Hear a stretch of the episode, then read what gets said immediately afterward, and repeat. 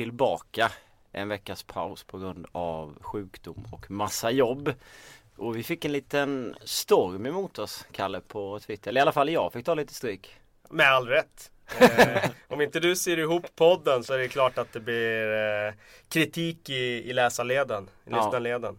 Jag kanske ska ha de smällarna. Tycker jag. Mm. Eh, vi hälsar Kalle välkommen. En, eh, Tackar. en eh, röst som ofta är med i Premier League-podden. En röst som däremot inte så ofta är med är Per Bomans. Ja, nu kommer B-laget. välkommen till podden, hur känns det att vara med? Det känns bra. eh, För en eh, enkel textarbetare så är det ju en ynnest att få vara med i den kända Premier League-podden. Så ja, tack för det. Men du eh, tittar ju på väldigt mycket Premier League. Jag gör ju det. Jag gör Ja. det. Det tillhör ju arbete så att säga här på Sportbladet. Så det, det måste man göra. Sen vet jag ju också att du eh, är väldigt inne i fantasy. Ja, det är ju ingenting man skryter om egentligen. För det är ju det är lite som att säga att man har dålig andedräkt. Det är ju ingen jättegod egenskap. Men eh, tyvärr har det blivit så att jag eh, kör en liga med ganska många kompisar och eh, ibland är det nästan viktigare hur det går för mina fantasy-spelare än vad det går i verkligheten. Ja. Och det är ganska, en ganska deppig situation för en människa. Men eh, Hur går det mellan er två? Vem är bäst, du eller Kalle? Jag använder ju, ja. jag använder ju inte Sportbladets Premier League. Och jag använder ju eh, Sportbladet. Så att, eh, det är svårt att jämföra. Men eh, jag, jag skulle tro att du är bättre i år. För jag har eh, startat oerhört blekt i år. Eh, det har varit en ren och skär katastrof. Jag har ju skrivit om det här på Twitter ett par gånger. Men jag kan ju dra det här också. Jag lyckades ju byta ut Callum Wilson inför matchen när han gjorde hattrick. Eh, jag lyckades ju byta ut Arona Kone i Everton också inför matchen när han gjorde hattrick.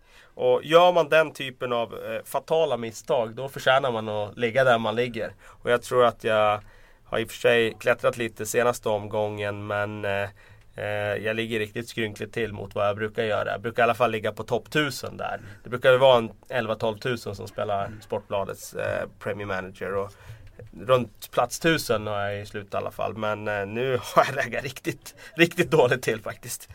Ja, jag var ganska tidig med, med Mares till exempel. Och fick in Sanchez när han började göra mål snabbt också. Och det är ju, eh, ja det tyder ju på att jag har en viss fingertoppskänsla. Faktiskt. Kalle låter lite så. Det är ändå Kalle som är fotbollstränaren. Här med tajmingen börjar man ju fråga lite. Ja, nej men absolut. Eh, Det är, det är berättigad att lyfta det, eh, den frågan.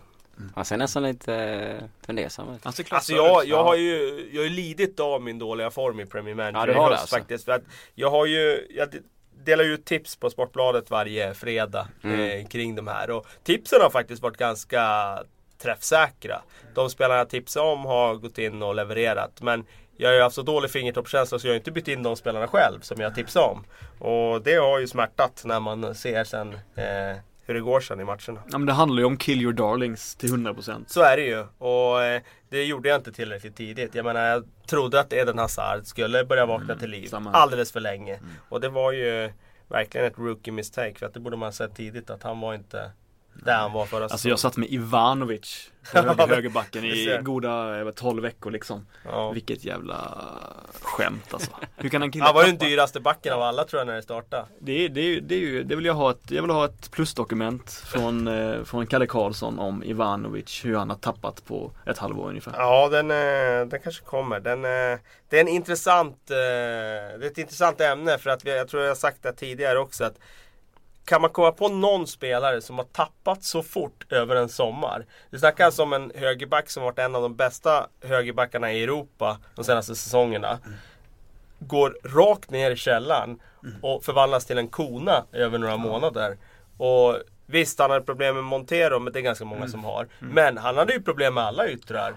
Och gå från att vara så bra som han ändå har varit till att vara eh, så svag som han har varit. Det, jag kan inte komma på någon spelare som så snabbt har gått ner sig. Ja, för det finns ju ingen annan som är så snabb ut på inläggsläggaren liksom, egentligen.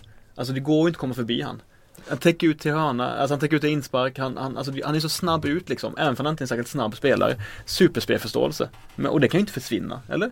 Ja, det gjorde ju det i det här fallet. Eh, men eh, ja, jag vet inte. Det är väldigt svårt att liksom säga vad det var som hände där. Han är ju inte ensam i Chelsea av att ha tappat under hösten å andra sidan. Så är det ju. Då fick de Eh, stryk i Ja, inte nu heller med tanke på att det var landslag men de fick stryk mot Stoke också. Precis, då tycker jag väl i och för sig då att det fanns tendenser på att de gjorde en spelmässigt okej okay match. Och skapade rätt mycket i den matchen och, och så. Det var, det var inte någon katastrofinsats som vi har sett tidigare här i höst faktiskt. Och Stoke borta, ja. Eh, jag vet att, att lag brukar ha problem där historiskt. Jag vet inte om det är så längre. Men eh, det är inte en helt enkel match. Så att eh, Självklart, i den situationen de är i nu så, så har man inte råd att åka dit och förlora. Men hade det varit eh, ett vanligt läge så är det väl inte fy skam att till Britannia och kamma noll. Nej, jag håller med dig om det har varit ett vanligt läge och jag kan också köpa det här med tendenser. Samtidigt är jag lite trött på det för jag tycker fan att de ska börja leverera liksom. Eh, å andra sidan kan man ju tycka att det kanske är skönt för Mourinho nu. Eh, när det har varit landslag. Mm. För att han har fått eh, lite tid i lugn och ro. Eller? Han känns manisk. Jag tror att, alltså jag tror inte han taggar ner under en vecka nu direkt. Snart kommer det bilder på honom i luvtröja vid någon läktare någonstans liksom. När han, så här, när han liksom obsessiv sitter och glor på någon match för, för att kalla hem, skaffa någon spela i, i vin, under vintern. Men jag vill säga en sak om Stoke-matchen. Hur förbannad blir man inte på en kille som Manatovic, som har gjort mål, har chansen att avgöra matchen för sitt lag har två spelare att sätta i läge så de bara ska rulla in bollen i mål och ändå väljer att avsluta själv. Jag tycker att det solkar ner min bild av en hel spelare.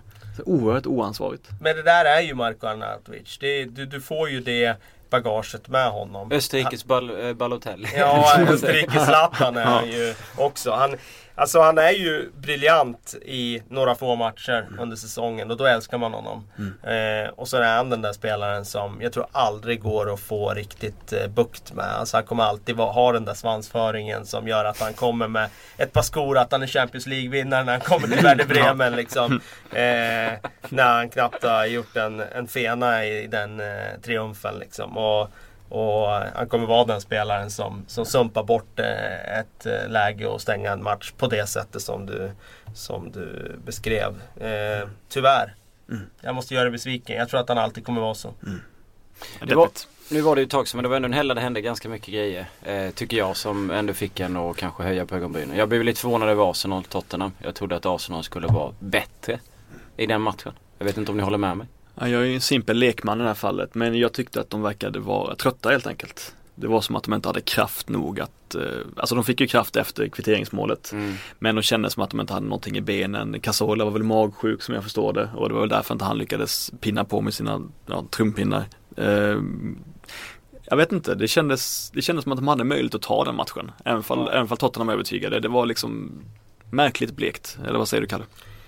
Det var det och Casola som du nämnde, han var ju helt under isen i den här matchen. Alltså, det var inte alls den Casola vi är van vid. Jag tycker Tottenham gjorde det bra också. Det, man får inte blunda för att de, de eh, har ju haft problem mot storebror. Men den här gången kom de dit och alltså, jag är imponerad av deras eh, unga lag. Alltså, de växer för varje vecka som går. Och de eh, känns faktiskt också som eh, de kan ta ytterligare kliv med det här. Alltså det finns spelare som Dele Alli, som Eric Dyer som precis mm. liksom har kommit in i laget. Det finns ännu mer eh, potential där att plocka ut. Så Keynes kurva pekar uppåt. Eh, nej, men jag tycker de, de gjorde det riktigt bra faktiskt. Fick matchen dit de ville. Kul att se en Pochettino som också liksom för in en annan ideologi i Premier League. Alltså han står för det här höga pressspelet. Han gjorde det i SA-15, nu har han tagit med det till Tottenham. De får effekt på det. Eh, och jag menar, jag tycker det är skitkul nu att se Tottenham spela. Måste jag säga. Och det har man ju inte alltid tyckt. Nej, de skulle ju, det känns som att de skulle ha dödat matchen tidigare. Sen får man lite rädsla då när, när Kieran Gibbs är det som kvitterar Det är det, mm. det, är det. Ja. Det var typ det anfalls, det var det offensiva han kunde göra i stort sett Wenger i andra halvlek kändes som på den, med tanke på den bänken han hade. Och, och Gibbs gör mål. Vilket får givetvis att bli lite förvånad men ja. Det var skönt Magiska assist av Özil får vi väl nämna ja, där också. Han, eh, han har ju samlat eh, assist på hög här i höst. Och han satte ytterligare... rekord va? Nu? Ja, han har satt eh, rekord nu med assist i antal matcher i rad. Sex stycken har jag för mig att det är va? Ja, det kan vara någon mer. Alltså man letar ju alltid briljans hos Özil. Jag gör också det som jag gillar Arsenal också mycket. Så jag vill ju alltid att han ska vara bra. Men det inlägget som han slår där mot bortre stolpen till Gibbs. Är det helt meningen att den ska gå över Giro och den är ju överlång bollen. Men ska den gå hela vägen bort till Gibbs egentligen? Ibland tänker jag att, Jag ibland, ibland, så lägger, ibland Ja. så lägger vi även bara Ösel in en boll menar jag. Ja, ja, det gör ju alla spelare. Alltså så. Ehm, jag bedömde det som att han försökte sätta den där, där den hamnade. Eh, sen tycker jag i och för sig att eh, Juris ska ju ta den där bollen. Ja. Eh, men eh, nej, jag, jag tänkte inte på att han, han siktar på Giroud eller på någon annan där faktiskt. Och Gibbs var väl striker i sin, i sin junior, under sin juniortid likt Ashley Cole. Har jag förstått det som. men jag är inte helt, jag är inte helt säker. Jag vet i alla fall Ja. att han var mer offensiv Ja. än, än ytterback. Men jag hade fått för mig att han var winger liksom. Men han kanske var striker till och med. Vad tycker du om Gibbs? Kommer du ihåg den här Champions League-finalen? Första matchen när han sprang ifrån Ronaldo. Eh, på Old Trafford. Mm. Eh, eh, han gjorde det en gång, alltså han, han var lika snabb som Ronaldo under en match. Eh, och då var man ju begeistrad. Men Ja men alltså lite det här tendensen som många Arsenal-spelare som kommer fram i tidig ålder. Och så tänker man så här, jäklar vad bra den här spelaren kommer bli. Jack Wilshere, Clichy, Ja. De Nilsson. Men man får nog landa i att alltså många av de här spelarna som kommer fram i tidig ålder ehm, kommer inte ha samma utveckling. Eh, De kommer inte bara stiga, stiga, stiga utan deras utvecklingskurva kommer plana av. Och I Gibbs fall har det ju till stor del handlat om hans skadehistorik som är ganska diger. Och tyvärr nu så är ju Nacho Monreal mycket bättre än vad han är.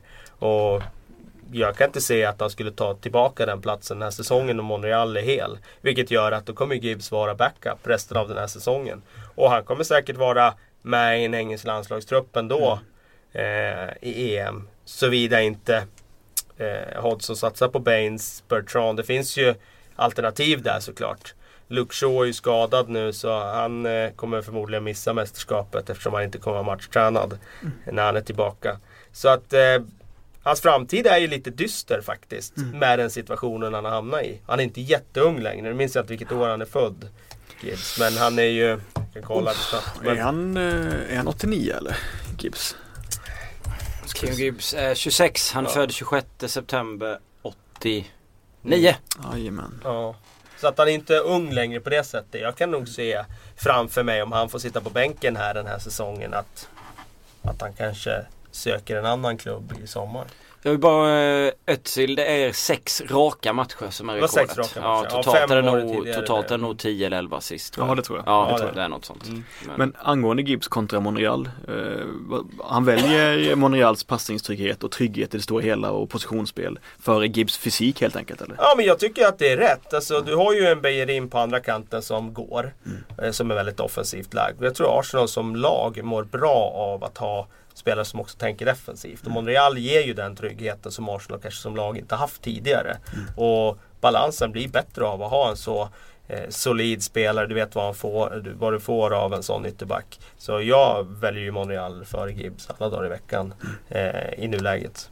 Definitivt. när vi ändå är inne på Arsenal så kan vi ju gå över till en kille som spelade i slutet på Arsenal. Eller slutet, eller spelade för Arsenal i slutet på 90-talet. Ja, okej. Som tog över Aston Villa. Eh, och fick med sig 0-0. Ja, det var väldigt trevligt tycker jag för Remy Gard som han Mm. heter. Han eh, har ju haft ganska kort tid på sig och Kan man lugnt säga. eh, jobba med laget eh, inför den här matchen. Och det var tre träningar eller något sånt där i princip. Och, eh, jag tycker det var kul att se. Han gjorde det som eh, eh, jag och många med mig spekulerade att han skulle göra. De här franska spelarna, de Mm. åkte ju in i elvan. Mm. Mm. Det var Amavi, det var Veritut, det var Ghana och, och så vidare. Och jag tyckte det var kul att se Aston Villa den här matchen. Visst, de skapade inte så mycket framåt. Eh, de hade väl typ noll avslut på mål tror jag i den här matchen. Typ. Eh. Närmast var Augustedes kanske inkast mot Joe Hart som blev en hörna. Ja, just det.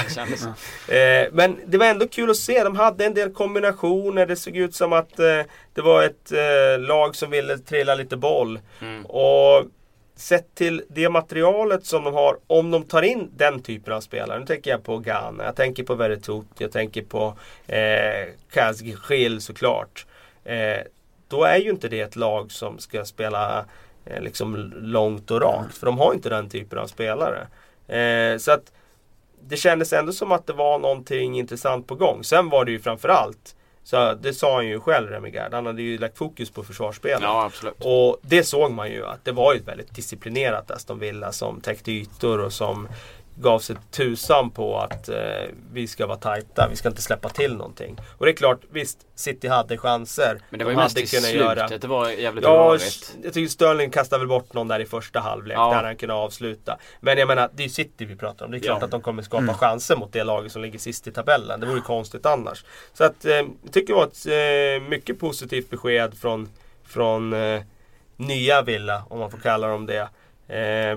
Det finns ett antal plankor i den här ligan. Så att eh, om han kan fortsätta utveckla det här. Nu var defensiven eh, klart mycket bättre. Jag tycker Michael Richards gjorde en jätte, jättebra match. Kanske inte så förvånande när han bytte sitt förra lag och var extra taggad så. Men kan han dessutom få till offensiven där jag tycker Karlskil är eh, nyckeln. Han är ju en, tycker jag, en, en minimata. Oj då.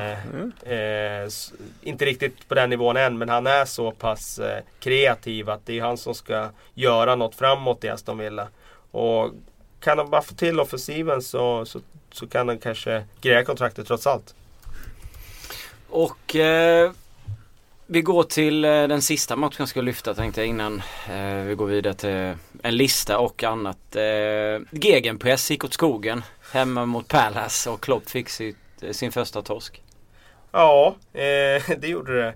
Det var ju Scott Dan av alla människor som Scott. Dan, eh, som har gjort en väldigt bra start på den här säsongen. Det är ju eh, många röster som höjs för att han har varit en av de bästa backarna i, i ligan den här hösten och faktiskt ska vara aktuell för ett engelskt landslag. Eh, det enda han faller på där är nog hans ålder egentligen. När var det han var så bra i Birmingham? Eh, det var ju tillbaka på 09-10 där tror jag. Tillsammans med Roger Johnson. Ah, Den gamla fina det. Roger Johnson som gjorde en kanonsäsong då under Alex McLeish och sen hamnade i League One typ i Ah. Wolverhampton. Och han är väl, var han 28, 29 nu? 30, 28? Dan. Ja, är han inte det? Ja, och det är han nog. Det Ja. var ett fint Birmingham-lag för övrigt. Det var ett fint Birmingham-lag. Eh, det var ju dessutom med den tragiskt nu Christian Chucho Benitez. Ja. Eh, men eh, för att inte falla in på Birmingham och Mm. fortsätta prata Scott Dan och, och gegenpressen så, Mm. så nej, men jag blev besviken på Liverpool i den Ja, matchen. måste jag. Eh, jag tycker ändå att man har sett någonting nu under Klopp att eh, det finns någonting där. Men eh, den här matchen kändes de uddlösa. Inte Men kan alls. inte det också vara lite slitage? Alltså man har bytt, från, man har bytt tränare och det har blivit ett helt, mycket fler löpningar, mycket mer jobb och så vidare. Man har fått liksom ställa om tänk och så vidare. Att det tar ut sin rätt till slut. Absolut, det kan ju vara det och nu har de ju haft lite skador och sådär. De har ju fått eh, pressa ganska hårt på det material de har. Och det där är ju en farhåga med att spela så som Klopp vill spela. Eh, du kan göra fantastiska matcher där det ser eh, eh, ut som att eh, de ska erövra världen. Med det, alltså den typen av spel. Men sen hur mycket sliter det i längden? Kommer de kunna spela så här i eh, vecka ut och vecka in. Och snart går vi in i den tuffaste perioden av dem alla, det vill säga julperioden där det är väldigt tajt matchande och andra ligor tar ledigt och Premier League bara eh, spelar på. Och det känns inte som att Liverpools trupp är tillräckligt bred och så för att klara av det här i längden. Det tog väl tre år för Klopp att köra sönder Dortmund helt. Alltså Ja. när, när spelarna var så utslitna så att Mm. det inte gick att upprätthålla pressen längre. Nej. Har det tagit alltså fyra matcher för henne att göra samma sak i, eh, i Liverpool? Eller hur Han många kom det nu in i är. ett läge också, Ja. de hade en del skador och sådär. Och det är klart att det... Sen har vi fått någon mer sen han anslöt. Och nu gick ju Sakho sönder. Vilket var oerhört tungt. Jag tycker Sakho har varit jättebra. Eh, först fick han ju inte chansen under Brennan Rodgers. Men när han väl har spelat nu eh, i höst så tycker jag han har varit väldigt, väldigt bra. Eh, riktigt tungt avbräck för Liverpool. Så Men det att, känns eh, ju mer som en tidig reaktion på omställningen känner jag. Att man kanske känner tröttheten. Nu har man fått vila, vissa i alla fall, eh, under Absolut, nu landslagsuppehållet. kan de nog ta fart igen här. Ja, Eh, men det kommer nog funka eh, jättebra i vissa matcher och sen kommer det vara matcher där man ser att materialet också är för begränsat. Crystal Palace är ju ett väldigt, väldigt bra lag. Det har vi ju sett i faktiskt i ganska lång tid nu. Eh, det är ingen slump att de ligger där de ligger i tabellen utan de har ju, de har ju tagit det där klivet upp till att liksom lämna bottenstriden och vara ett etablerat Premier League-lag. Och det är ingen ingen som går säker när de har den där frontfyran med Panchon, Yannick Bolasie, Sakho, eh, Sa. Och de behåller ju sina spelare också hela tiden. Hur, hur kommer det sig, tror du? Ja, d- de har ju lite sådär att de har lite tur att spelarna inte riktigt är tillräckligt bra för att gå. Nu har det varit rykten om Bolasi framförallt då. Och eh, det var ju liksom efter hans supersäsong i fjol där så var det ju snack om att det var prislappar på 20 miljoner pund. Och, eh, men de har nog lite tur att storlagen inser att Bolasi är inte så bra så att han går in i en startelva hos dem rakt av för de pengarna som han kommer kosta. Och därför får de behålla honom. Och samma sak med Sa. Han har inte visat tillräckligt mycket över tid för att vara en spelare som återigen får en flytt till en större klubb. Han misslyckades ju i, i Manchester United där han inte fick chansen under David Moyes. Och samma sak med backlinjen där. Dan har ju eh, gått lite under radarn tycker jag. Eh, där, han skulle väl kunna få en flytt till en större klubb efter den här säsongen. Eh, skulle jag kunna tänka mig. Om han fortsätter prestera. Men sen är det ju många sådana här jag menar MacArthur på mitten, han får ju inte en klubb till eller Joel flytt. Ward liksom. Joel Ward, eh, Martin Kelly, Soaré. Liksom. Soaré, de, vilken- de, ja, alltså de får ju inte en flytt till en större klubb så. Nu har de ju Wayne Hennessy i målet här nu. Eh, och det är samma sak där. Det är, så, det är ju habila spelare. Bra, nyttiga spelare men det är också vettiga spelare att ha i en klubb som Crystal Palace för de kommer inte att handplockas till större klubbar. Det är nästan ett fantastiskt att man har spelare som funkar så pass bra i ett lag men de glänser inte så pass mycket så att eh, Nej det är jättebra. Det, det är perfekt jag, vi, vi balans prat, liksom. jag vet att vi pratade om det när det gällde Tottenham i fjol. Att det var ju samma sak där. Tottenham den här sommaren, de tappar ju ingen spelare. Nej. Och det var ju nästan första gången som Tottenham inte tappar en av sina bästa spelare. Och det var ju just för att de hade ju ingen spelare i Tottenham Förutom Harry Kane då. Ja. Men han med sitt hjärta och liksom bara gjort en bra säsong. Det var inte dags för Real Madrid än. Eh, så plocka Harry Kane. De hade ju också ett perfekt material för att kunna bygga vidare. Och nu dock Ja, har. Tottenham en spelare som jag tror storklubbarna börjar titta på och det är ju Dele Alli. Vi kan ju återkomma till honom senare men eh, eh, det är samma sak där att eh, Tottenham var också i den situationen som jag tycker Crystal Palace är nu. Jag menar Panchen, hade Panchen varit 21-22 år då hade han fått en flytt men han är för gammal nu för det.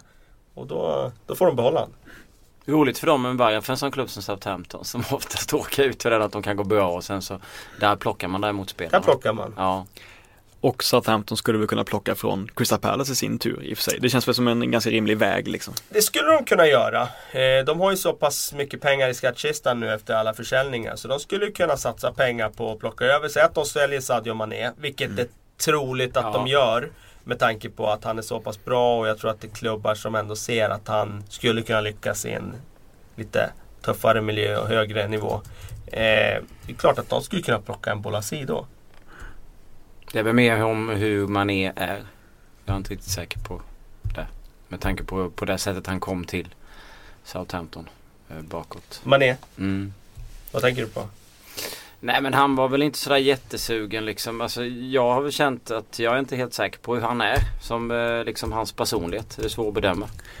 Men apropå killar som har dödat Ivanovic under säsongen. Mané var väl, eh, det var fram- kanske framförallt Cahill i sig som han, eh, som han tog ner på jorden. Men det var väl båda två, det såg ju helt sjukt ut. Ja, han var ruskigt bra i den matchen. För han var, väl, han var ju i Red Bull tidigare. Han bråkades Han ifrån där, bråkade sig Mm. därifrån liksom. Eh, sen är det klart Det är att inte den första spelaren som Nej. har bråkat sig bort från en klubb. Alltså, jag tror inte man ska läsa in för mycket av det. Alltså. Men jag kan, sä- jag kan tänka mig att det kanske är en sån sak som ibland lyser igenom och gör att en spelare inte lämnar så. Sen har han ju ett uh, i och för sig visat extremt eh, bra grejer emellanåt. Jag tycker att han ska göra fler mål. Eh, även om han gjorde det här snabba hattricket förra året. Men jag tycker ändå att han borde göra fler.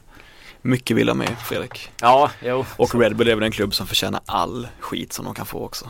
Om man nu ska Jo, vara jo, populistisk jo, så är det väl så. Jo, ska vi gå in på klubbar och sånt så kan väl jag tycka att de eh, absolut kan eh, förtjäna en hel del skit. Eh, ja, men Crystal Palace eh, imponerande i helgen och eh, är åtta i tabellen precis efter Southampton. Och känns väl som att de kommer ligga runt om placeringarna eh, den här säsongen.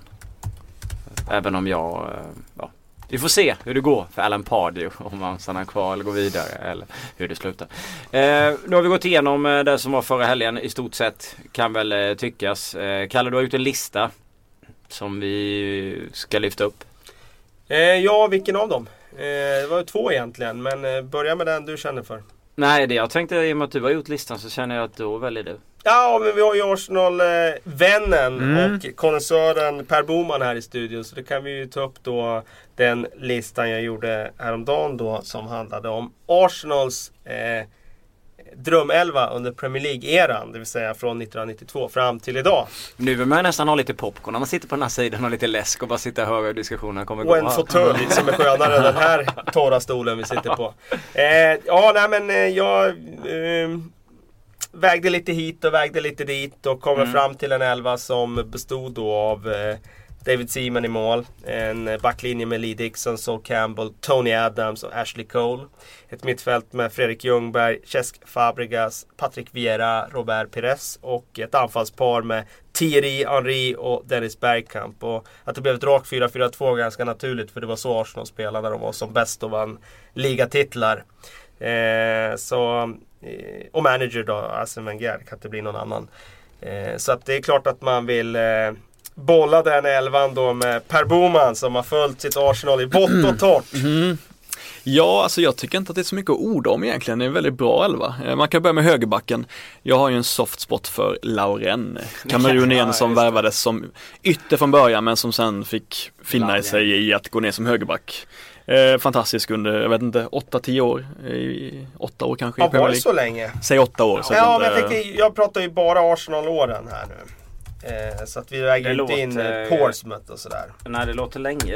Eh, Ah, när kan han, ska se, han, han var i Arsenal, Han var Arsenal 00 till 06 var han. ja okej, Just säg sex sju år. säsonger Sex ungefär. år. Mm. Mm, men, eh, men han, eh, ja det var en, det var en favorit. Dels för att han kunde alltid satt sina straffar när det, väl, när det väl gällde. Och så var han också, trots att han var bra offensivt så var han första hand en trygg defensiv ytterback och det tycker jag man ska Lite som Monreal idag. Ja, verkligen, Mm. verkligen. Eh, Ashley Cole på andra kanten är ju inte att säga om, han är säkert Arsenals bästa vänsterback genom tiderna oavsett vad man tycker om honom. Ehm, sen, mittbacken bredvid Tony Adams, det var ju Sol Campbell, ehm, han spelade inte så länge i klubben egentligen, men var ju väldigt viktig för de titlarna som togs då.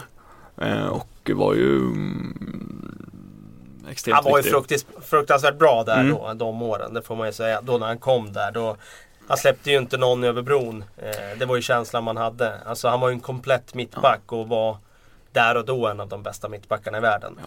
Och framförallt, vem skulle kunna ta platsen? Det är det som är svårt. Alltså jag vet inte, det är ju inte Kolo Touré, det är inte Martin Kion, det är nog inte Koscielny heller liksom. Så, att, så att det finns ju ingen annan kandidat egentligen än Sol Campbell. Nej, jag tycker inte det. Ehm, så där har det också med, alltså det är ju Ljungberg på ena kanten. Jag vet inte om kanske Alexis Sanchez redan nu skulle kunna Ja, sniffa på en, på en, på en ytterroll i laget. Ja, alltså så här va. Jag, jag är ju väldigt eh, jag är väldigt restriktiv när jag tar ut elva och så att hålla på och flytta runt spelare. Mm. Jag tycker att när man tar ut en elva då ska man ju ta ut elvan efter den positionen man spelar på.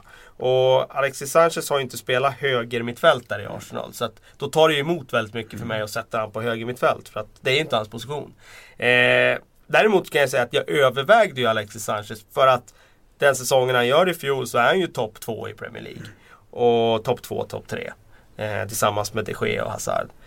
Och är man så bra så är det klart att då ska man övervägas. Men han har ju bara gjort en säsong och det, det var ju det som talar emot han. Ge han två år till i Arsenal då kommer han definitivt övervägas på en plats i, i Arsenal. Jag menar, han, eh, skulle han liksom lyfta en eh, en, eh, en utmärkelse som årets spelare sådär, då, då är det klart att han kommer vara med och slåss om en plats också. Men för mig så slogs han ju om platsen med Robert Pires och, eh, på vänsterkanten Mm. där. Och, nej, då, Nej, ingen då väl, väljer jag ju Pires. Definitivt. Jag gillar att du är intellektuellt hederlig med det här med for- formationen och hur folk ska spela. Å andra sidan så är det ett Premier League-lag som vi ska ta sen så var det ju Ja. en 4-1, 3-4, 4-1. Ja, men det- vi var det? tar vi sen, det tar vi det, sen. Ja, absolut, det. absolut. Ja. Men eh, i övrigt med Arsenal, jag menar Bergkamp och Henry på topp, vem ska kunna säga emot det? det är, Nej, Ian Wright skulle kunna Definitivt, ha ett, ha ett, eh, då, det är sant. ett case och, och liksom slänga in. Men för mig så eh, Ja det behöver vi inte diskutera. Det är liksom Det är den bästa spelaren i Arsenals historia för mig. Eh, Bergkamp mot Ian Wright. Ja, för mig var Bergkamp eh, under flera år Kanske inte statistiskt då i, i mål bara.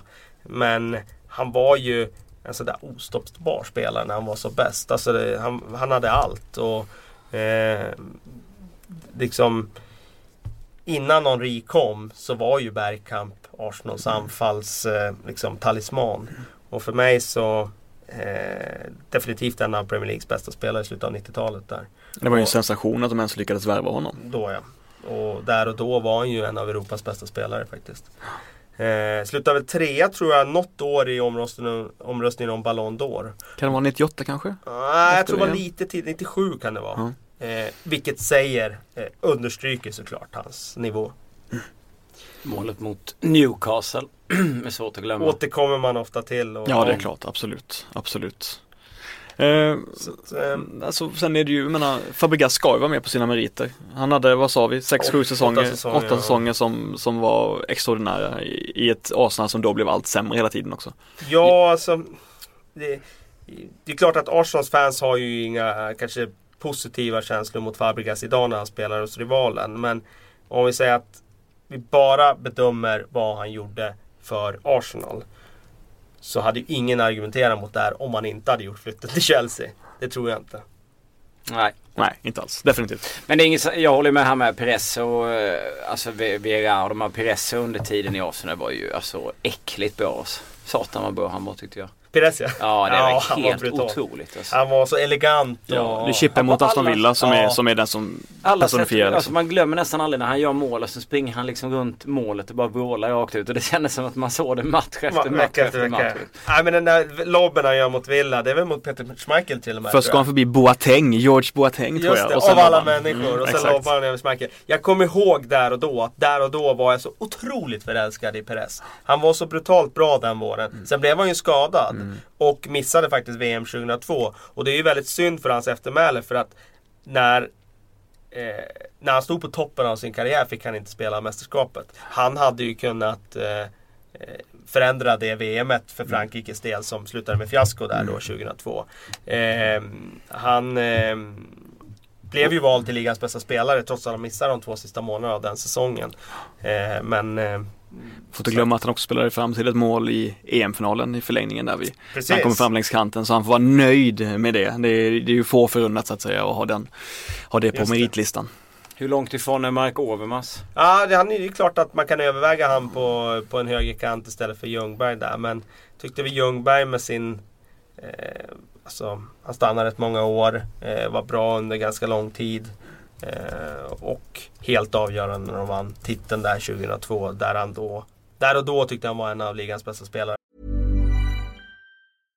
Hey, I'm Ryan Reynolds. At Mint Mobile, we like to do the opposite of what Big Wireless does. They charge you a lot, we charge you a little. So naturally, when they announced they'd be raising their prices due to inflation, we decided to deflate our prices due to not hating you. That's right. We're cutting the price of Mint Unlimited from $30 a month to just $15 a month. Give it a try at mintmobile.com slash switch. $45 upfront for three months plus taxes and fees. Promote rate for new customers for limited time. Unlimited more than 40 gigabytes per month. Slows. Full terms at mintmobile.com.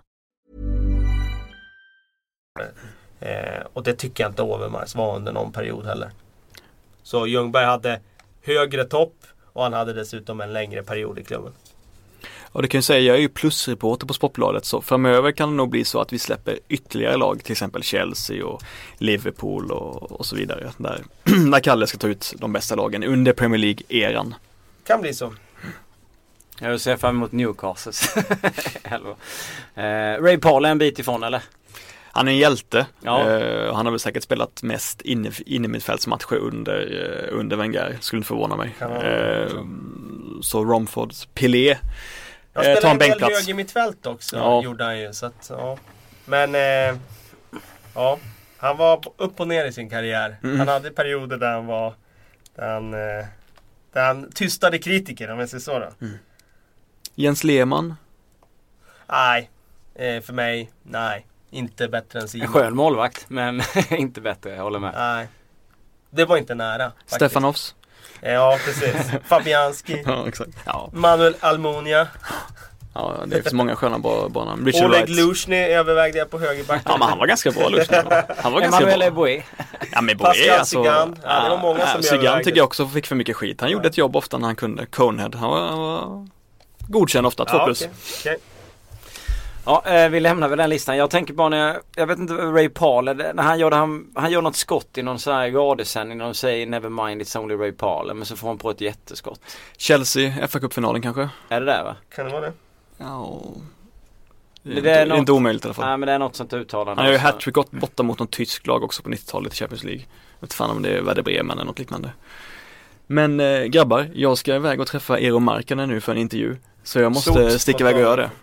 Tack för medverkan. Jag uppskattar att jag fick vara med. Ja, Lycka till eh, med marken. Det får du ju läsa ute på eh, sajten. Eh, närmaste dagarna. Vi får ju se när Boman har skrivit klart eh, alstret. Vi går vi vidare med lista nummer två eller? det kan jag göra. Mm. Eh, det var ju då alltså, jag tog då ut eh, säsongens lag hittills i Premier League. Och det där är ju eh, såklart lite eh, kritiskt när det gäller eh, nej, bara, bara spela en fjärdedel av säsongen. Men eh, jag tyckte ändå det kunde vara läge för det och eh, då kom jag fram till ett lag som formerades som 4-1, 4-1. Mm. Och eh, då hade vi alltså David de Gea i mål. Eh, började ju match, eller den här säsongen på läktaren Mm. faktiskt. Eh, men eh, sen han kom in så har ju United eh, faktiskt spelat oerhört bra försvarsspel. Han har varit avgörande i flera matcher. Och faktiskt eh, tagit vid där förra säsongen slutade faktiskt. Eh, han har inte visat något tecken på att det här flyttkaoset som var här i somras och ryktena har påverkat hans form på något sätt. Utan han är eh, fortfarande eh, en toppmålvakt i världen. En backlinje med Beijerin, Småling, Alderweireld och Nacho Monreal. Så det blev två ytterbackar från Arsenal där. Mm. Eh, för mig var ju Beijerin eh, solklar. Eh, varit eh, ruskigt bra på högerbacken både offensivt och defensivt. Och senaste tiden här har han ju faktiskt börjat göra heroiska brytningar i eget straffområde här nu också. Och det är en dimension som han har lagt till i sitt spel. Monreal är bra defensivt, det har jag varit inne på. Eh, när det gällde mittbackarna där så Småling tycker jag har varit ligans bästa mittback. Eh, Wayne Rooney kallade honom här för ett par veckor sedan eh, en av världens tre bästa mittbackar. Och faktiskt som han har spelat i höst så är det svårt att argumentera mot det för han har knappt satt en fot fel. Och han har ju varit en, ett monster i duellspelet. Alltså han käkar ju upp varenda anfallare. Och ehm, det, alltså, man kan inte anmärka på någonting eh, han har gjort här i höst. Så att eh, han är en spelare som gått framåt enormt mycket. Måste vara otroligt skönt för United efter alla diskussioner bakåt i tiden om att de måste hitta en mittback. Mittback, de skulle ja. gå ut och Mm. handla en mittback Ja. liksom. Så gör han det så här fantastiskt bra. Han har ju liksom eh, tagit död på hela den diskussionen genom att han har blivit den mittbacken som de, Mm. alltså den som de har letat efter nu i tre års tid egentligen. Den har han bara klivit fram och blivit nu. Och framförallt tycker jag hans utveckling handlar om att han tekniskt sett har blivit mycket bättre. Fysiken har han haft tidigare. Det såg man ju redan när han kom fram att han var ett monster och dessutom kunde kombinera det här med alltså, styrka i huvudspelet och att han är rätt snabb också. Men nu har han också en funktionell teknik. Han klarar av att ta ner bollen i trånga situationer, spela sig ur. Och det har gjort att han har tagit det där steget. Eh, John Stones har varit bra, men jag valde faktiskt Toby Alderweireld. Eh, och det beror på att jag tycker att han har varit mer solid och varit mer jämn. Eh, John Stones har haft matcher där han inte har varit så bra. Jag tycker att Alderweireld har gett Tottenham en trygghet i försvaret som de inte har haft på, på väldigt många år. Och eh, han gör också Fertongen till en bättre spelare. Så att eh, mycket bra värvning för Tottenham. Mm. Har du något att anmärka på i backlinjen? Var det någon du ville sett? Alltså eh, det är klart jag förstår ju när du, du lyfter ju John Stones där även om jag tycker att han har gjort några eh, skräpinsatser eh, och inte varit lika jämn. Men alltså Beijerin och Småling, sen har du Monreal som sista. Eh, Ja, Ryan Bertrand där har ju gjort supermatch här Ja. på slutet. Men han har ju spelat ganska få matcher. Han var ju skadad när säsongen började. Mm. Och Target spelar ju då för, eh, för Southampton på vänsterbacken. Så att han följer ju Bertrand på att han inte har spelat så många matcher. Men han är i kanonslag nu. Och har ju två raka uttagningar i mitt omgångslag. Så att eh, han eh, kan nog utmana Monreal på sikt här. Om Mm. den platsen.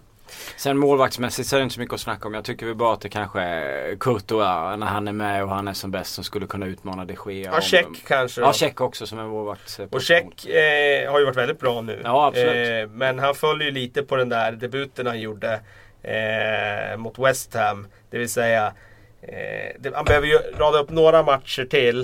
Eh, inte så många, men några matcher till för att vi ska kunna sopa undan den debuten helt och hållet. Hur långt ifrån är Korseni och gå in i en... Jag tycker han är, eh, han är där och nosar. Men jag hade ju valt Stones före Korselny.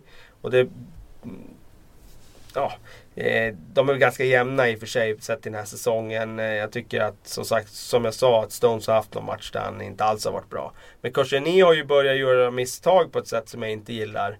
Eh, jag är ju ett stort fan av honom och tycker att det är han som bär upp Arsenals backlinje. Men nu har han börjat ställa massa dumma offside-fällor. Eh, han gjorde det senast mot Tottenham, vilket gav Tottenham 1-0 Ja. Han gjorde samma sak mot Swansea, vilket då eh, borde ha betytt att Gomis skulle Ja, ha gjort 1-0 i den matchen.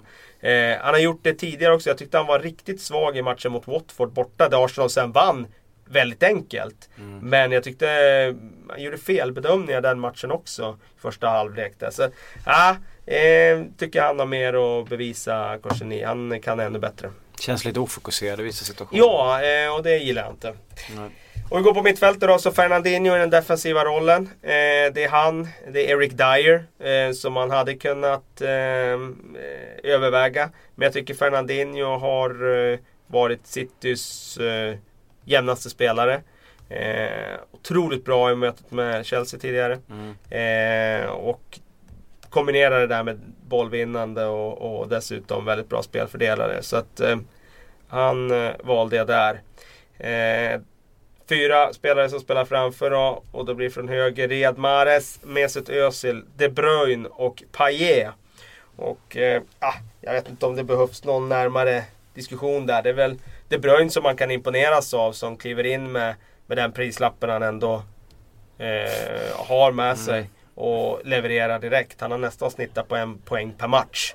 Och eh, det får man ändå säga är väldigt bra.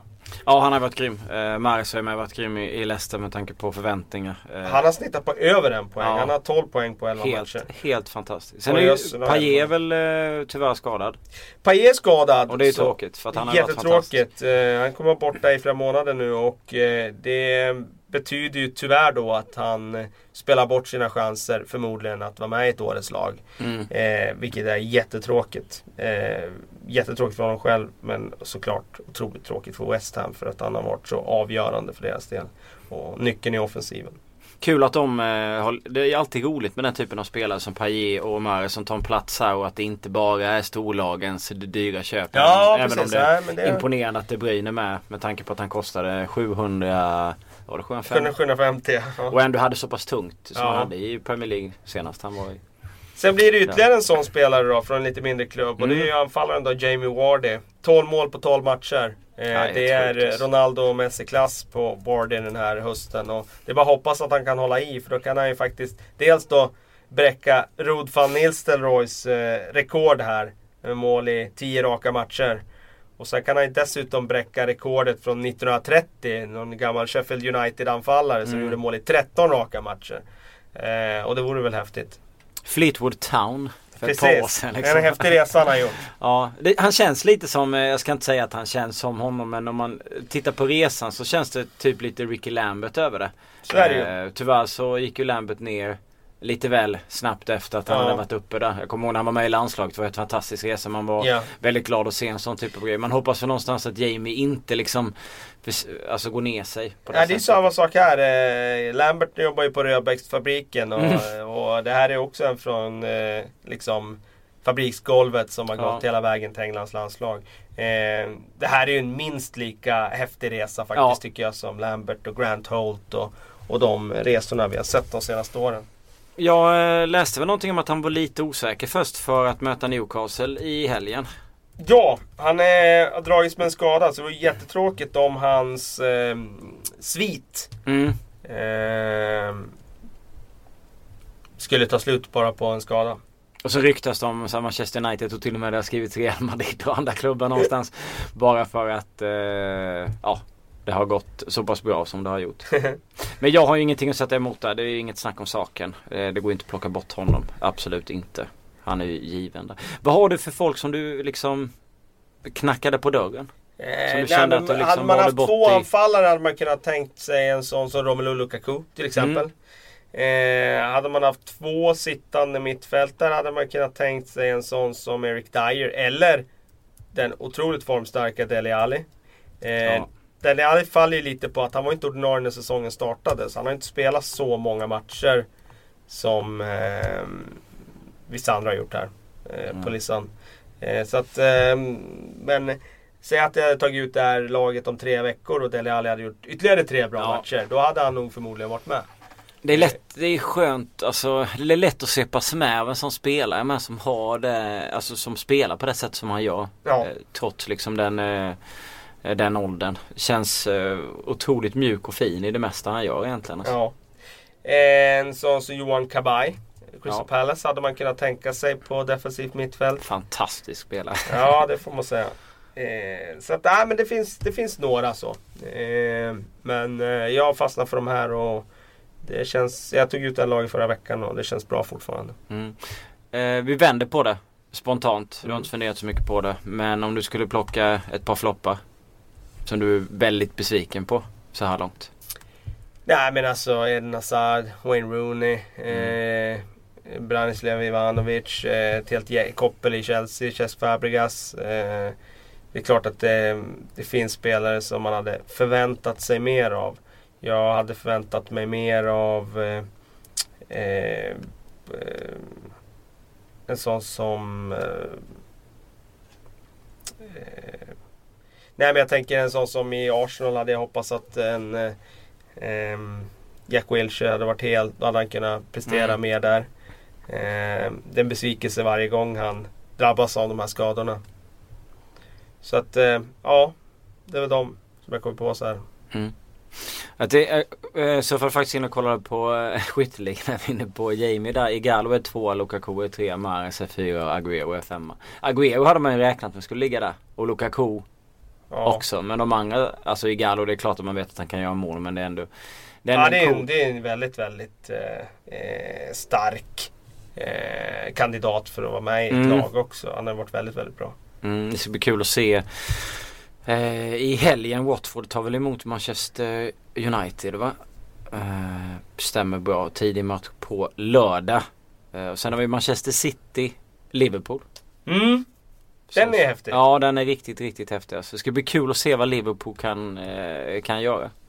Ja, ehm, det blir lite av ett test nu för att nu har ju Klopp fått några matcher här och visst, eh, första matchen borta mot Tottenham var ju eh, såklart en tuff uppgift men eh, nu med förlusten senast så blir det här ytterligare en sån där lite, mm, alltså, kommer ha pressen på sig. Någonting behöver han med, ha med sig från den här matchen. Mm. Annars kommer ju det börja eh, blåsa lite kring han. Inte på det sättet att, att folk eh, liksom börjar ifrågasätta. Men det är bara det att då blir det en press på honom kring eh, fortsättningen här och det kommer att eh, liksom börja gnys lite kring om, om det här spelet är, eh, är vettigt att använda för Liverpool. För Mourinho är det Norwich hemma måste väl kännas ganska behagligt eller? Ja det är det ju. omstart. Det är en tacksam match Ja. att få nu. Det, så tar de inte tre poäng där då. alltså, men det är sådär man har sagt nu några Ja, gånger. Det är liksom, man fastnar i det där. Eh, Nej, det är sjukt alltså. Men eh, då fan ska de kunna slå Norwich hemma. Mm.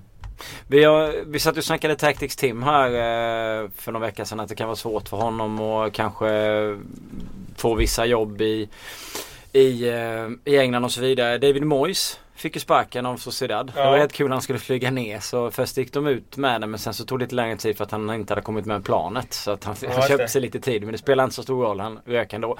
Han hade ju ett rätt eh, trist eh, snitt. Jag tror att han snittade runt eh, var det 23 procent vinster. Vinstprocent. Ja, Eller 29 okej. procent. jag det var en 29%, tredjedel. ja. Eh, är du förvånad? Jag vet inte hur mycket du följde Real Sociedad.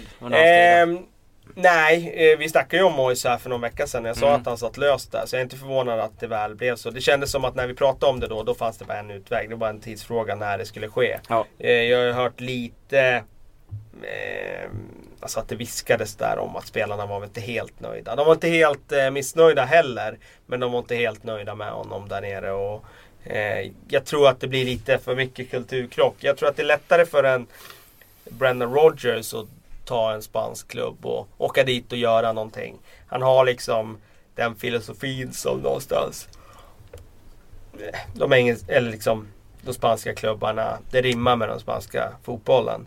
David Moyes har ju inte det. Nej. Och därför såg jag inte vitsen riktigt med att plocka ner honom till La Liga. Eh, no, nu har han testat det, nu får vi se om man kan få någon klubb här i, i England igen. Jag, jag skulle ju tro att hade han varit ledig här i somras och, och Newcastle hade letat tränare så tror jag mycket väl att de hade kunnat plocka honom. Mm. Han fick knappt ett år i Sociedad. Men han slog Barcelona i Ja, januari. får man ge han. ja. Får man ge han. Eh, Det är ändå av de 12 vinsterna så är en mot eh, Barcelona då eh, den säsongen vände för Barcelona om jag inte helt fel för att han petade ju Messi och det var lite liv efteråt. och så Det. Han är dock inte den första Sociedad-tränaren som slår Barcelona för de brukar ha problem där på Anoeta. Mm. Det har snackats om Leeds för Moyes. Det har Ja. ryktat lite. Ja. Känns det som en klubb? Ja, men är han är ju en klubbyggare och han är ju en, liksom en sån där tränare som har jobbat på, vissa kan jobba på lång sikt i Everton där. Så det, det känns som att det skulle kunna vara en vettig eh, rekrytering för Leeds. Hur mycket följer du Leeds? Inte så mycket som eh, jag borde göra. Eh, det är fortfarande en sån där klubb som man skulle vilja ha högre upp i, i seriepyramiden. Med dess historia och så. Men eh, nej, jag följer dem inte så mycket som... Så, men det, det, blir sådär, när det är för mycket kaos. Liksom, då tröttnar man på det efter ett tag. Mm. Och det har varit en klubb som har andats kaos ända sedan eh, Peter Ridsdale började prata om och leva drömmar. Mm.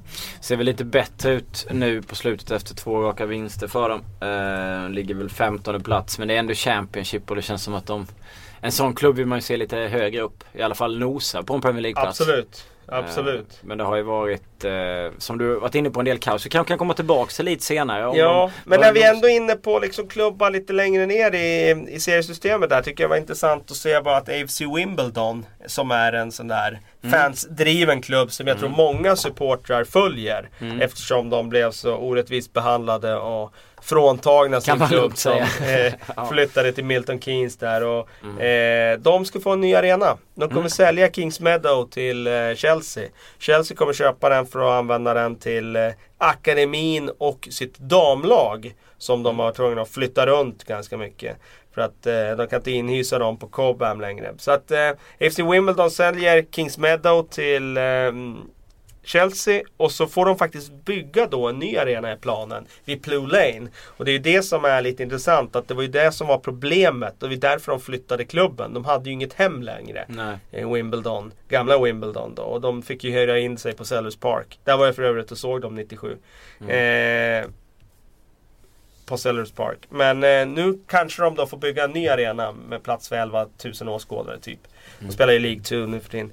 Eh, i närheten av Blue Lane som är deras distrikt. Deras ursprungliga distrikt. Så att det är väl ett, eh, skulle vara ett stort steg framåt för, för Wimbledon.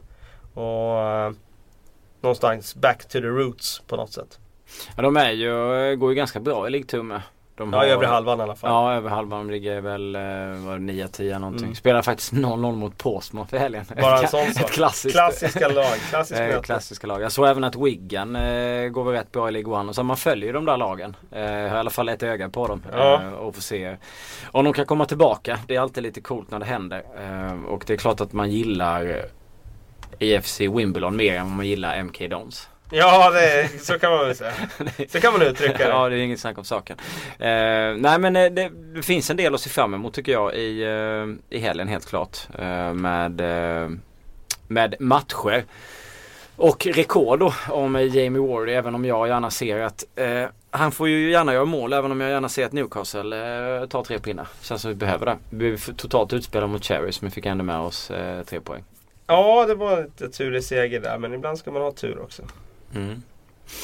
Eh, vad är eh, där du, kommer du följa allt som vanligt i helgen eller? Eh, I helgen kommer jag att följa, inte så mycket som jag vill faktiskt. Jag ska åka till England i helgen. Eh, och det är inte i första hand en fotbollsresa för att eh, flickvännen följer med. Men lite fotboll ska det nog kunna bli. Jag ska kolla med lite kontakter där och kan få tag i biljetter till någon fight. Eh, så vi får se vad det blir. Ska jag kanske spana in eh, Igalo? Eh, det skulle jag ju gärna göra om jag får biljetter till den fighten. Så det, Eh, I den matchen är väl den sena på lördagen där. Mm. Och det kan bli uppe i Watford vid... Eh, Nej det är en tid 13.45. Är den tidiga matchen? Ja. Okej. Ja men då, då ehm, ja, oavsett tid så kan det bli uppe i Watford. Det kan bli eh, ja, där vi får biljetter helt enkelt. Mm. Vi kör ett par frågor. Känns Yes, det som. kör. Eh, Henrik Larsson 92 eh, Heter han på Larsson Henrik på Twitter. Forsberg gjorde succé mot Danmark. Hamnar han i PL och i så fall vilken klubb? Han vill att vi ska spekulera. Jag tyckte att eh, Foppa var eh, fantastisk eh, över de här två eh, playoff-matcherna. Ja, ja, jättekul att se. Jag tycker han är en sån här gammal Klas Ingesson typ som ett svenskt lands- landslag behöver. Alltså en som springer. Kort Han är och gott. Han, springer och krigar. Han är ofta spelbar, eh, springer väldigt mycket. Eh, tyckte han visade att han eh, hotar en hel del. Eh, och han har varit bra i eh, sitt klubblag. Ett lag som vi kanske inte, alltså Leipzig, Red Bull Mm. och så vidare. Och eh, uppvaktas väl av ett, av ett par klubbar. Men jag vet inte, är det Premier League på honom? Kan det kännas rätt? Det kan det väl i alla fall i mitten någonstans. Ja, alltså under halvan skulle jag nog säga. Ja. Men typ ett Norwich, inte skulle han göra bort sig där. Det tror jag inte. Eh, så att eh, det skulle nog kunna funka rätt så bra. På tal om landslag, Nathan Redmond fick ju inte vara med. Jag såg att det var en hel del reaktioner på dem. De valde att spela Lingard, eller plocka in Lingard, Lingard istället. Var många som tyckte mm. att han skulle ut. Och, vad hade du för åsikt om? Om just den? Ja. Ja, alltså Redmond är ju väldigt talangfull. Eh, men jag tycker att han är lite för mycket upp och ner. Han levererar någon match här och där. Och nu har ju Lingard varit i väldigt bra form. Så att, nej, jag har inga här större synpunkter på det. Ja. Jag litar på Ro- Roy i det läget. ja, Roy. Galaxy Hero. Eh, undrar hur bra Del Alli kan bli. Eh, är Dyer en mittback? Frågar han samtidigt är den defensiv mittfältare. Vi har ju prisat Del Alli och jag Ja. gillar det jag ser av honom än så länge och hoppas jag att han bara kan växa liksom. Alltså det som är grejen med Dele Alli och det som eh, gör, får mig att tro att eh, han verkligen är speciellt är att han har nästan allt. Eh, han eh, har eh, tekniken, fysiken, tvåvägsspelet och så har han en mognad i sitt spel också Mm. som gör att det ser ut som att han inte har gjort annat än att spela i, i Premier League. Och bara 19 år gammal. Eh, det är bara att hoppas nu att han får vara skadefri. Då kan det bli en riktigt stor mittfältare för England. Det vill säga han kan bli en, han kan bli en världsspelare. Det är ingen tvekan om det. Anton Johansson undrar vilket överraskningslag tror ni kommer hänga med i toppen längst? Kan någon av dem göra en Norrköping? Nej, det är ingen som kan göra Norrköping. Det Nej. utesluter jag. I så fall så... eh, Alltså det hade ju varit jättetrevligt om Leicester hade följt med väldigt länge. Eh, Ja, jag tror att de kommer att rasa förr eller senare såklart. Men eh, det är väl det laget som jag tycker kan hänga med då. Av dem där Som vi uppe. ska ta som ett överraskningslag. För även om Crystal Palace skulle gå upp så skulle inte det bli ett överraskningslag. För att de har ju ändå presterat. Eh, alltså de har ju kunnat slå de där lagen, eh, storlagen tidigare om man säger. Och ändå Ja, visat liksom. Men, men alltså om Crystal Palace skulle sluta på topp 8 så är det ändå en överraskning. Ja. Och då får man ändå säga att eh, men de kan ju hänga i där, det kan de göra. Eh, men jag tror ändå Leicester med den här starten, men redan 25 poäng. Mm. Eh, jag tror att de kan hänga i rätt länge. Känns som att West Ham kommer dala. Särskilt nu Ja, det tror jag. Det tror jag. Det tror jag. Ja. Tyvärr. Ja. De har ju varit eh, väldigt trevliga och, eh, och se. Intressant med Swansea och deras svacka. Mm. Nu är ju Gary Monk som jag hyllar så mycket, han är ju satt under press där nu. Nu var det ju Gylfi Sigurdsson som hade citerats i någon tidning där, han sa att eh, Gary Monk inte pratar med spelarna och så vidare. Och nu har ju Swansea dessutom stämt den tidningen. Eller i alla fall tagit in rättsliga åtgärder mot den tidningen för de hävdar att han har blivit felciterad. Och, men det är intressant bara det att, eh, att det diskuteras. Mm. Otroliga problem har de haft att göra mål. Känns som. På slutet i alla fall. 12 baljer totalt på 12 matcher.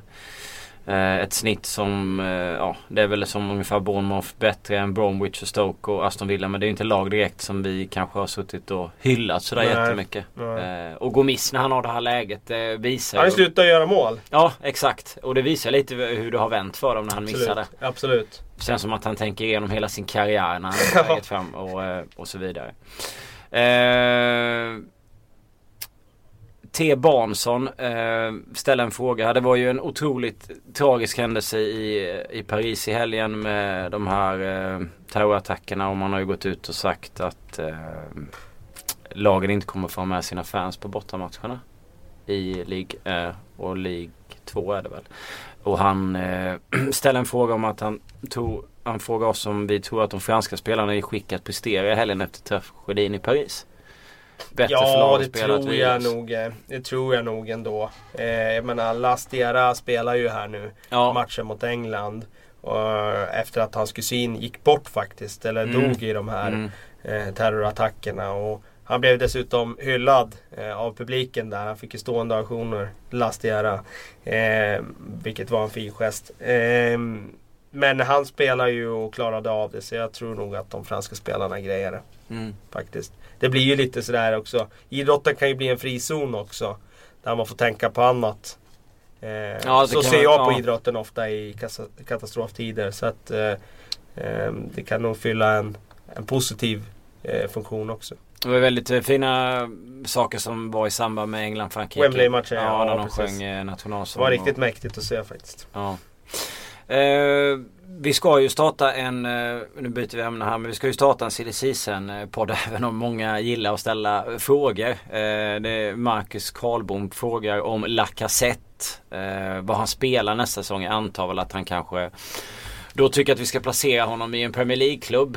Eh, förra året så hade det väl känts, eh, efter den säsongen han hade då, känts vettigt. Nu har han väl i och för sig börjat komma igång mer än, än, än tidigare. Men jag vet inte vad har du velat sätta honom i för klubb i Premier League? Ja, Newcastle. Ofta du återkommer till Newcastle känns som det. Men du skulle kunna plocka in vem som helst ja, i, i Newcastle nästan. Alla som äger ett par fotbollsskor. Ja, till och med jag då. Ja. ja, det är ju underbart. Ja, men... Eh, eh, det var ju mycket snack om Arsenal mm. i somras. Mm. Eh, och det är klart att eh, det vore spännande att se honom där. Samtidigt har ju eh, Giroud Walcott varit bra och han är ju lite lik kanske Walcott i mer lik Walcott i spelstil så de kanske tangerar varandra där. Jag tycker att Walcott är tillräckligt bra för att vara eh, en striker i Arsenal. Frågan är, är han tillräckligt skadefri Wolf, Walcott för att bära laget över tid? Det vet vi inte riktigt än. Mitt svar på det är ju spontant nej. Med tanke på hans skadehistorik. Ja, så han har varit skadad på tok för mycket. Men Arsenal då kanske? Mm. Eh, Mourinho, Oskar Thorsen, det är ju alltid fråga om Mourinho, det förstår jag. Eh, för det första kanske vi ska ställa frågan om, om vi tror att han får sparken efter en eventuell förlust mot Norwich. Jag tror att de vinner den matchen. Men Oskar är inne på om han får sparken. Vem eller vilka tränare är troliga att anställa? Vi har varit ja, inne på så... Eh, Hiddink va? Det har varit Hiddink och Ancelotti, de här gamla stötarna som har varit i klubben tidigare. Och Hiddink har ju gjort en, en sväng som interimstränare i Chelsea där. Eh, och gjorde det bra. Jag tror att det kan bli Hiddink i så fall. Eh, Ancelotti verkar inte så sugen på att ta Chelsea men han verkar vilja ha ett längre kontrakt och jag tror för Chelseas del hade det inte varit fel att ta, ta Ancelotti på ett längre kontrakt. Men eh, jag vet inte, kanske för mycket prestige där för Roman. Ta tillbaka honom. Det känns som att det måste vara en sån tränare också. Som ska plockas in efter Mourinho för att lösa hans problem. Man kan ju mm. inte ta liksom en, en David Moyes. Nej, nej, nej, nej, nej, herregud. Det, de måste ju ta en tränare av hög dignitet. Det är ingen tvekan om det. Eh, annars så blir det ingen trovärdighet eh, i det omklädningsrummet. Hur mycket gillar du eh, Walters? Alexander Odius pratar om eh, det kan vara PL sexigaste forward. sexigaste? Eh, ja, nej men alltså. Nej, jag är inget uh, större fan längre. Så nej. kan jag säga. Har du vänt? Varför ja, du vänt? men jag tyckte att han var lite häftig när han kom fram där. Och de eh, spelar ju ett spel som passar honom bättre. Tycker inte att han eh, passar idag riktigt med med det nya Stoke. Så att jag tycker inte han är lika effektiv längre. Nu, alltså, nu gjorde han ju två mål här i, i, i playoffet och det var ju mm. häftigt. Mm. Men eh, nej, jag tycker han, han är lite passé nu. John Walters faktiskt. Mm. Eh, Kev, Kevin eh, frågar, han heter 7 Evan Bader. Det eh, varit mycket mål mellan City och Liverpool. Eh, vad vi tror för eh, matchbild om det blir målrik tillställning. Vad är det för känsla där? Brukar det inte vara efter landslaget? Det kan vara lite segt i början för att spelare kan vara lite slitna och så. Ja, just det. Kan vara så. Det vet ju du som är spelexpert. Mm, att de brukar Om du eventuellt säger att det är så så är det nog De så. brukar gå på 0-0 eller kryss i första Ja, men jag kan ju vara helt fel. Ja. Ehm, ja, det har kanske varit mycket mål där. Säger han det? Mm, 39 på 12. 39 på 12 Det är typ 3 någonstans. per match. Ja, det är drygt Mm. tre per match. Ja. Nej, men det kan nog bli en del mål. Ehm, alltså, Liverpool spelar ju ett spel som öppnar för att det ska bli mål. De kliver ju fram och vinner de bollen så får de målchans själva och vinner de inte bollen så öppnar de sig bakåt. Så att eh, det kan nog kanske rinna in några mål åt båda håll där. Mm. Vad är viktigast som du känner om du, sista frågan om att titta på omgången? Är det att Mourinho tar tre pinnar med Chelsea eller vilket lag känns som? Alltså? Ja, mina blickar kommer nog riktas mycket mot eh, City, Liverpool av förklarliga skäl. Men även mot Mourinho. Så det är väl de två matcherna jag tycker är hetast. Mm. Eh, Mourinho såklart alltså. Med den förlusten de åkte på senast igen nu, alltså, så blir det ju enormt fokus och press på honom igen. Eh, tack så mycket Kalle för att eh, vara med oss idag. Eh, som Tack själv. Jag har ju lovat ett dubbelavsnitt nästa vecka efter, efter, efter nästa omgång. Kan vi leverera det eller? Ja det tycker jag. Ja. Vadå onsdag, torsdag eller? Ja, eller torsdag men, eh, fyra timmar? Nej men måndag, torsdag kanske.